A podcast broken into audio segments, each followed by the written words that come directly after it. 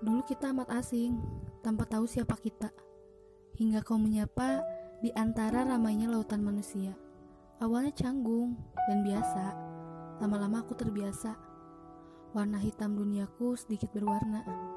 Di saat ku merasa sendiri, kau selalu hadir. Kau memang bukan yang sempurna, tapi kau mampu membuatku merasa paling beruntung.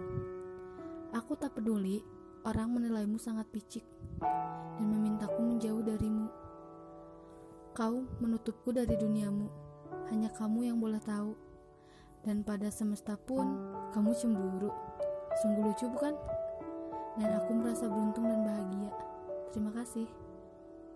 Ku harap kau adalah di balik senja terakhir itu.